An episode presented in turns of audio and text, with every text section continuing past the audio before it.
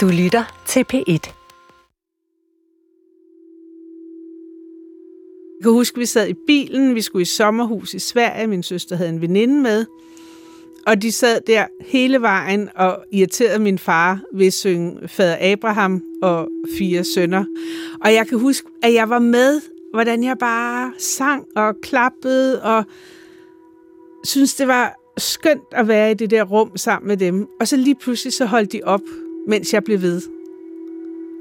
Og så kiggede min søster på mig og bare sådan, ej, hvor er du barnlig. Og, og det var ligesom sådan, det var, den der følelse af, ej, jeg vil så gerne være med, men jeg gør det bare på den forkerte, barnlige måde.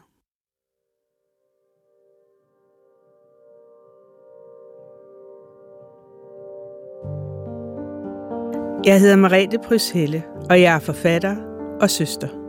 Det vil sige, at jeg stadig en søster, efter at min søster døde for 13 år siden. Hvad betyder det i vores liv at have søskende? Hvordan bliver vi formet af de søskende relationer, vi har, når vi er børn? Og hvad betyder det, hvilket nummer vi er i flokken? Og hvad sker der, når relationerne ændrer sig gennem livet ved sygdom eller død? Min mor har sat mit barndomshjem til salg. Og nu hvor huset skal sælges, vælter minderne op, især om min søster. Mit forhold til mine forældre har jeg bearbejdet gennem mange år.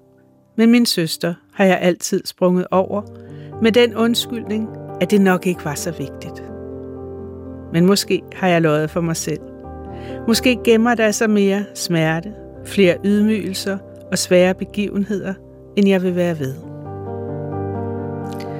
Alle mennesker er en del af en søskende flok, også selvom man er den eneste i flokken. Og jeg tænker derfor, at det også vil være interessant for andre at prøve at gå ind i problematikken omkring mig selv som søster. For hvem er jeg med, og hvem er jeg uden? Vil jeg have været en anden, hvis hun havde været en anden, eller hvis der havde været flere søskende? Og hvem har dine søskende, eller manglende søskende, vidunderlige, svære, levende eller døde, gjort dig til? Søster elsker, elsker ikke er en podcast i fire episoder, hvor forfatter Merete Prus Helle undersøger forholdet til sin afdøde søster. Merete har indvidet sin coach Marie i tankerne og fået en opgave. Tag en stor projektør og prøv at lyse nogle områder op, som måske ligger lidt i mørke. Det her er episode 2. Altid nummer 2. Ja, så er jeg kommet til Svogerslev og skal ind og tale med Margrethe. Det glæder jeg mig til. Jeg tænker, at det bliver sjovt at kunne tale lidt mere overordnet om alt det her med søskende, og måske forstå det hele lidt oppefra. Merete har lavet en aftale med Margrethe Brun Hansen, som er børnepsykolog og forfatter til bogen Søskende. Den handler om, hvorfor nogle søskende får en meget dyb og nær relation, mens andre ikke gør. Men det jeg jo gerne vil have, det er... Merete har set frem til mødet. Hun vil gerne forstå de mønstre, man tegner omkring sig selv, som ikke er dannet af den, vi er, men af det nummer, vi er i søskendeflokken. Eller hvad du ser. Ja. Altså, kan du for eksempel se på mig, hvad nummer i søskerækken er? Det kan man ikke. Nej, man kan ikke se det på en. Men man kan nogle gange fornemme det i øh, de problemer, som der opstår, for eksempel. Ikke?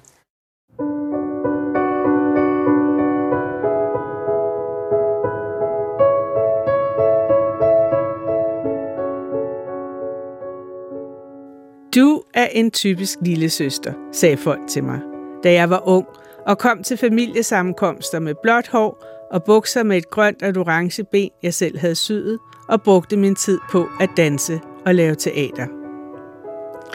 Min søster derimod fik at vide, at hun var en rigtig store søster, fordi hun læste medicin og gjorde sin uddannelse færdig, selvom hun havde blod, og i stedet brugte uddannelsen til at lave reklamer for medicin og være tv-doktor.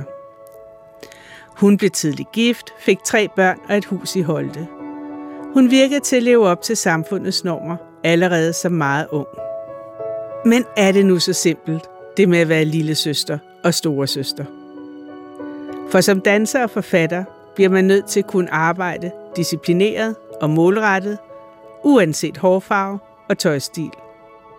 Og som tv-læge, der talte åbent om sex i fjernsynet, som en af de allerførste i Danmark, overskred min søster en masse samfundsnormer.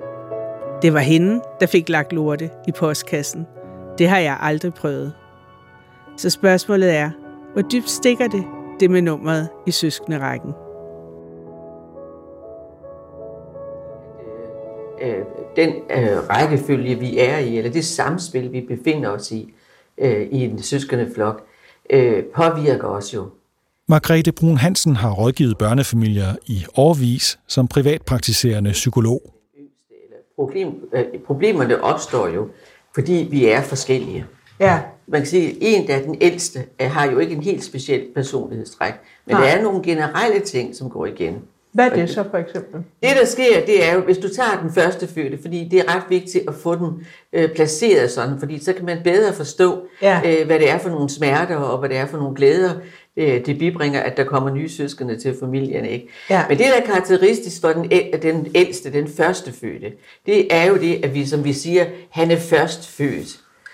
Og det, der, der sker, når øh, det her barn kommer til verden, det er jo, at forældrene er nybegyndere, Ja. Og de, altså bedsteforældrene, de står der ikke også. Guds lille bedste verden, det er den bedste, der er blevet født. Og hvad han ikke kan, altså tænk på, hvad der bliver taget af billeder ja. af sådan noget.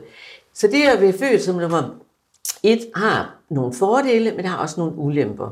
Og fordelene er, det er, at man har fuld attention i familien. Man sidder for bordenden, og alle sidder og kigger og siger, nej, hvor er det flot, når du spiser. Og bedstemor, hun klapper ned for bordenden, og hvor er det smukt at se ham spise. Ikke? Og på den måde bliver han jo beundret, og han får meget opmærksomhed. Det er også, de bliver meget stimuleret de første år. Man har tid til at sidde med dem og lave en masse ting.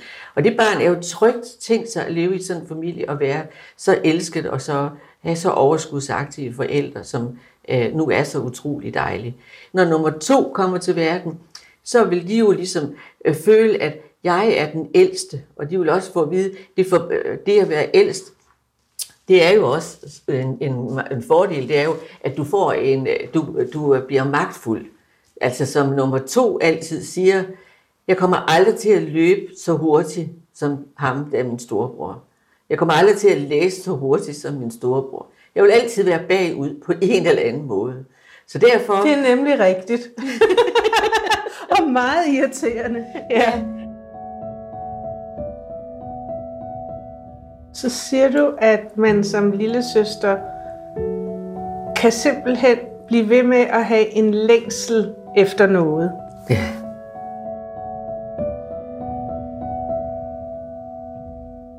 I mit barndomshjem fik vi karakterpenge. Min far havde altid sine jakkelommer fulde af mønter. Og hver karakter svarede til en mønt. Jo højere karakter, jo større mønt. Min søster var jo klogere end mig og fik derfor flere penge. Sådan var det, og det gjorde mig så vred. Så når ingen så det, sneg jeg mig op i det lille rum, hvor mine forældres overtøj hang. Jeg kunne være derinde med lukket dør og tændt lys. Og så tog jeg mønter fra min fars lomme, der svarede til, hvad min søster havde fået, og gemte dem på mit værelse. Tilfreds og samtidig med en frygtelig selvforagt. Jeg vil gerne kunne se fordelene ved at være den lille. For eksempel at have mindre ansvar for familiedynamikken. Men i min erindring er det anderledes. Jeg er altid hine efter den anerkendelse, min søster fik. Måske var jeg mere fri i forhold til nogle forpligtelser, men dengang føltes det ikke som frihed, mere som at være udelukket fra noget. Til den lille der er det rigtigt, at der er en længsel efter at kunne være som den store. Der er en længsel efter at kunne have kunne de ting, hun kunne, for eksempel. Ja. Men der, der ligger, hvis du går et lag længere, længere ned i psykologien, så ligger der det, som er, at begge børn, hvad er det, der er det vigtigste i deres liv? Det er jo simpelthen, at de føler sig elsket af deres forældre. Og, og derfor er det altid jalousi, fordi man synes altid, den ene måske fik lidt mere end den anden.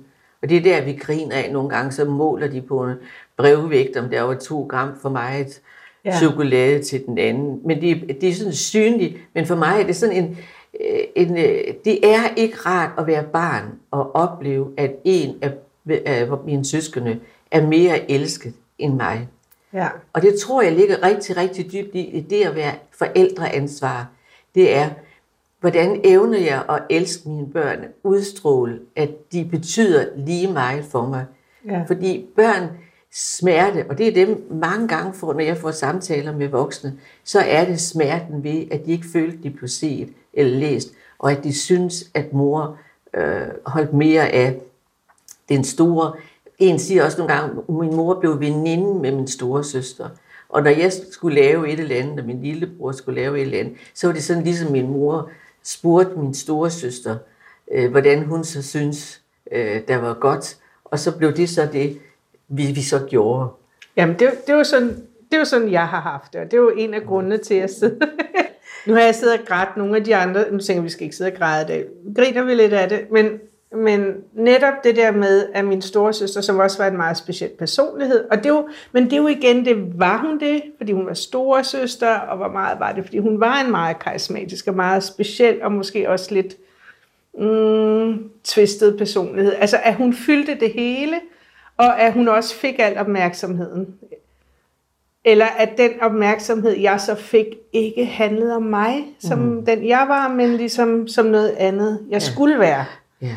Og der er jo, tænker jeg, en meget stor... Øhm, ja, læng- der, der er nogle problemer der, ikke, som jeg bærer rundt på. Ja, ja. At være den lille i søskendeflokken er ikke kun lige med en længsel efter at være som den store. Det er også lige med en større frihed. Som Margrethe Brun Hansen beskriver det i bogen Søskende. Barn nummer tos adfærd bliver ofte beskrevet som mindre pligtopfyldende og mindre samvittighedsfuld end den ældste søster eller brors. I stedet er de eventyrløstende, forandringsvillige, frisindede og villige til at tage flere risici, ligesom de gerne gør oprør mod autoriteter – de kan komme til at fremstå lidt som en Rasmus modsat, der altid handler og siger det modsatte af især deres ældste søster eller bror, men er samtidig humoristiske og sjove børn, der gerne klovner både hjemme og ude. Da jeg var en 16, 17, 18 år, kom jeg i både besætbevægelsen og kvindebevægelsen. Det var to meget forskellige miljøer. I besætbevægelsen klædte man sig sort og råt i kvindebevægelsen løst og flagrende. Jeg så meget tydeligt forskellen og dyrkede den, men altid modsat. Jeg gik til punkkoncert i flagrende, blomstrede kjoler og til møder i unge kvinder, i sorte gamasjer og sort pilotlederjakke. Jeg vidste udmærket, at jeg havde været mere en del af gruppen, hvis jeg havde klædt mig omvendt, men det var som om denne væren modsat var blevet en del af mig min eksmand kalder det række tunge Merete. Der var også denne modsathed i forhold til min søster. Jeg boede med min mand og søn i en iskold, utæt lejlighed på Vesterbro. Jeg havde kassecykel, ingen bil og skrev mine første romaner, og i stedet for penge havde jeg en følelse af at være bedre end andre, fordi jeg stod uden for forbrugersamfundet. Jeg husker, vi var til en fødselsdag ude i min søsters arkitekttegnede rækkehus i Holte. Der boede hun med sine børn og to store biler og fuld gang i karrieren. Og jeg skældte hende ud, håndeligt, for at have en opvaskemaskine, når nu det var meget bedre på mange måder at vaske op i hånden. Det er et øjeblik, jeg ikke er stolt af, og heldigvis nåede jeg undskyld for den bemærkning, inden hun døde. Men det skilte os alligevel altid, at de værdier, vi havde, blev ved at være meget forskellige. Meretes fortælling om to søstre med meget forskellige værdier er en, som Margrethe Brun Hansen har mødt flere gange før. Altså, hvis du er pseudotvillinger, så ser vi, hvordan de står placeret ned i begge to og, og ligner hinanden 10 år efter. Der ser man udbryderen der, den mindste, have fundet sin egen stil, og den er i hvert fald ikke lige med det, som storsøsteren er. Sådan ser jeg det virkelig rigtig mange gange. Altså, jeg, jeg ser altid de der brødrene Madsen, ikke? hvor storebroren, som er blevet hjerneforsker og har sideskilling og habit på, så kom ja. lillebror, hvad er det nu, han hedder? Anders. Anders, og det er krølhår, og det med plummelbukser. Hvorfor? Og det, de er så illustrative for mig om, jeg kan oprøre. Den ja. der smukke, dygtige pige eller dreng, den rolle, den er optaget. Jeg bliver simpelthen nødt til at finde mig min egen rolle. Og så gør man lidt oprør, lidt i protest også, ikke? Så det gode, det er jo, at du har en frihed, men på den anden side, så er det, at den frihed tit hænger sammen med et oprør imod at den pæne storsøster, som ligesom bliver idealet eller forbilledet for, hvordan det er.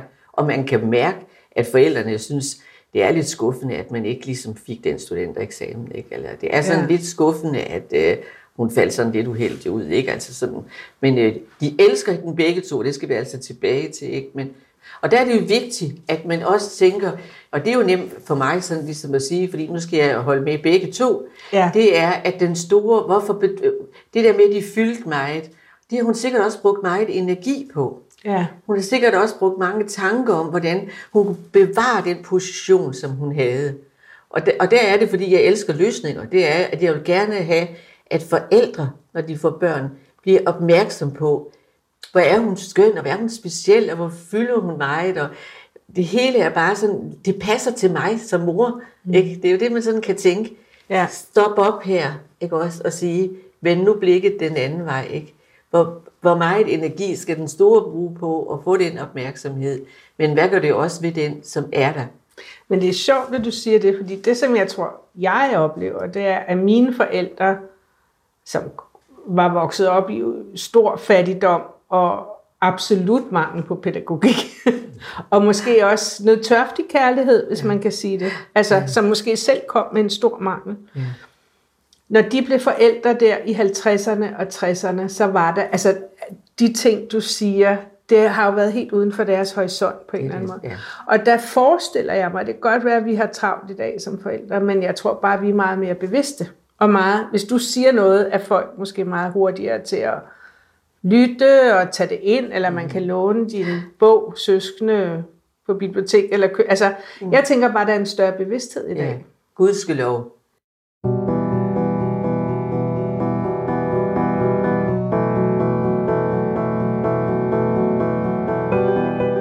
Det gør stort indtryk på mig, når Margrethe fortæller om, hvordan tingene har set ud for min søster. Hvor krævende hendes rolle har været. Jeg tror, det må være vejen frem for mig til at komme ud af det mønster, jeg sidder fast i, og de følelser, der er vævet ind i det mønster. Jeg vil gerne være et menneske, der har empati med andre end mig selv. Det synes jeg også, jeg har med mange andre, i andre sammenhænge, men ikke med min søster. Følelserne er for overvældende, og var som barn for store til, at jeg kunne håndtere dem. Og så er jeg endt med at sidde inde i min egen navle og kigge ud på hende. I stedet for at se hende indefra. Men det er jo det fantastiske, psykologer kan få en til, at vise, at oplevelsen og erindringen er subjektiv og at man godt kan se det hele på ny fra en anden vinkel.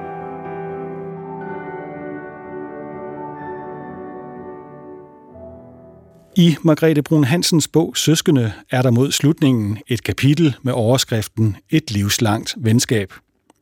Om hvordan søskende, som flytter fra hinanden, får ægtefæller og børn og lever forskellige liv, stadig har hinanden. Om søskende, der ved, at de altid kan kalde, hvis de får brug for hjælp, fordi de er en del af en flok, der er lige med tryghed og omsorg.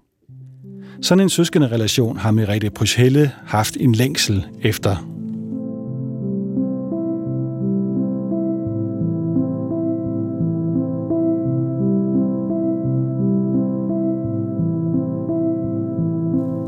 Jeg har altid været misundelig på søstre, der har en nær relation, som elsker hinanden og følges gennem livet. Jeg tænker, det må betyde, at man aldrig er ensom. At der altid er nogen, der holder hånden under en. Og når man ikke har sådan en eller flere søskende, så må man søge den nærhed hos sine venner og kærester. Men der er altid en usikkerhed. Der er altid noget, som kan blive færdigt, som ikke er der, hvis man er lykkelig med sin søster eller bror. Jeg har en veninde, Line, hun og hendes søster Anne gør alting sammen. De har kolonihaver ved siden af hinanden. De rejser sammen med deres mænd og børn. De taler i telefon mange gange om dagen og har også et fagligt fællesskab. Jeg oplever deres søsterskab som meget rent. De bliver glade hver gang de ser hinanden og taler sammen. Det er meget smukt for mig, der ikke har det. De repræsenterer for mig længslen efter det tætte, ukomplicerede forhold til et andet menneske, der kun vil en det godt. Jeg kan blive misundelig på dem, og det er ikke en rar følelse. Men så er de så søde og glade, at det opvejer misundelsen.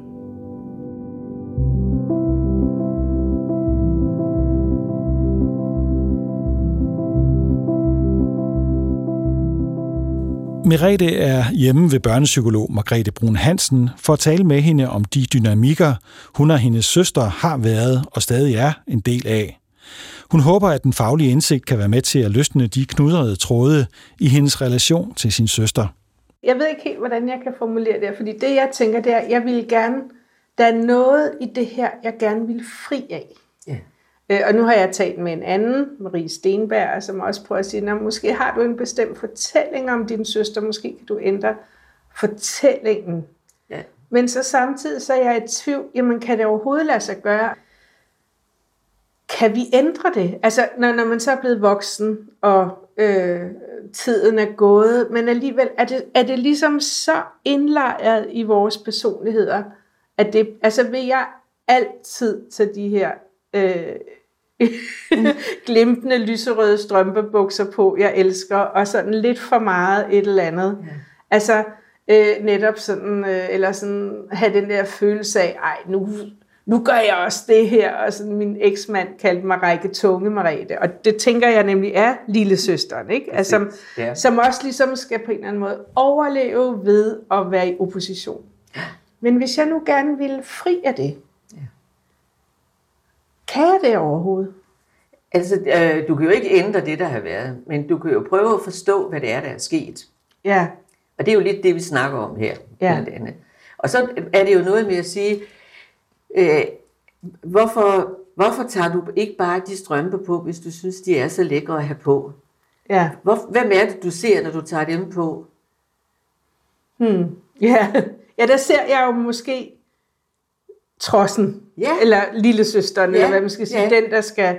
Og så, men jeg elsker jo de der strømpebukser. Ja, ja men så, så er det også vigtigt, hvis du nu siger det, når du tager den på, ja. nu vil jeg slet ikke, jeg er ikke spor trodsig, jeg tager den på, fordi jeg synes, jeg ser skide godt ud. Eller det er ja. sjovt, nu skal ja. det være lidt knald på læggehønen, ikke? Altså, ja. Ja. Så nu tager jeg dem på. Og så lad være med ligesom at bebrejde nogen, at nu får jeg en følelse, så ligesom sige, den kan I godt ligge på hylden, fordi ja. det var jo mig.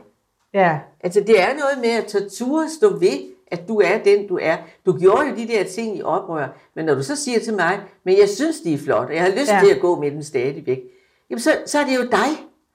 Ja, så det du siger, jeg skal gøre, det er, at jeg skal tage følelsen, som hører til den, altså sådan den forsmåede lille søster, det ja. kan vi godt sige, ikke? Ja.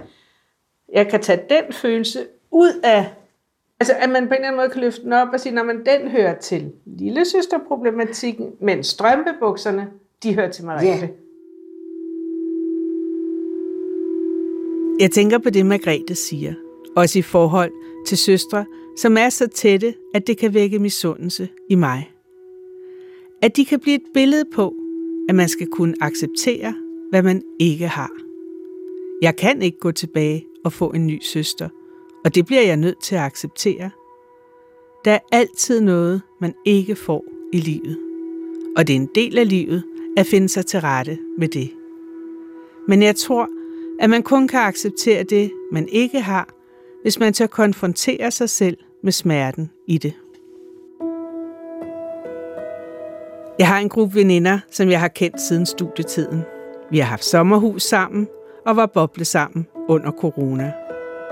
Til min fødselsdag havde de slået sig sammen, og en af dem havde købt mig lyserøde glimmerstrømpebukser og matchende hårspænde. De andre sagde, ej, passer det overhovedet til Merete? Men jeg var lykkelig for, at den veninde så og anerkendte den Merete, der kommer i glimmerstrømper, som min mor ville synes var helt upassende. Men jeg glæder mig også over, at de andre kender den Merete, der ikke længere skal række tungen af alting.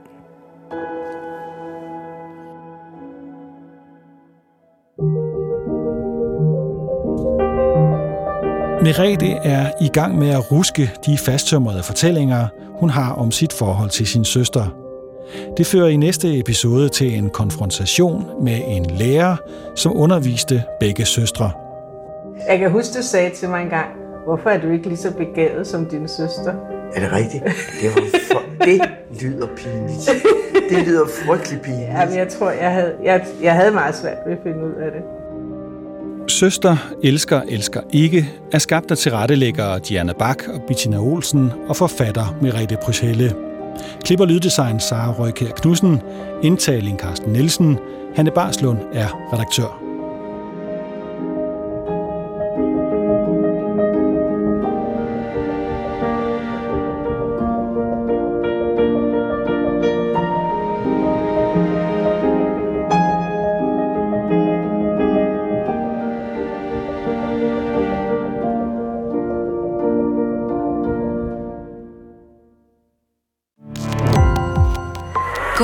Opdagelse i alle DR's podcast og radioprogrammer. I appen DR Lyd.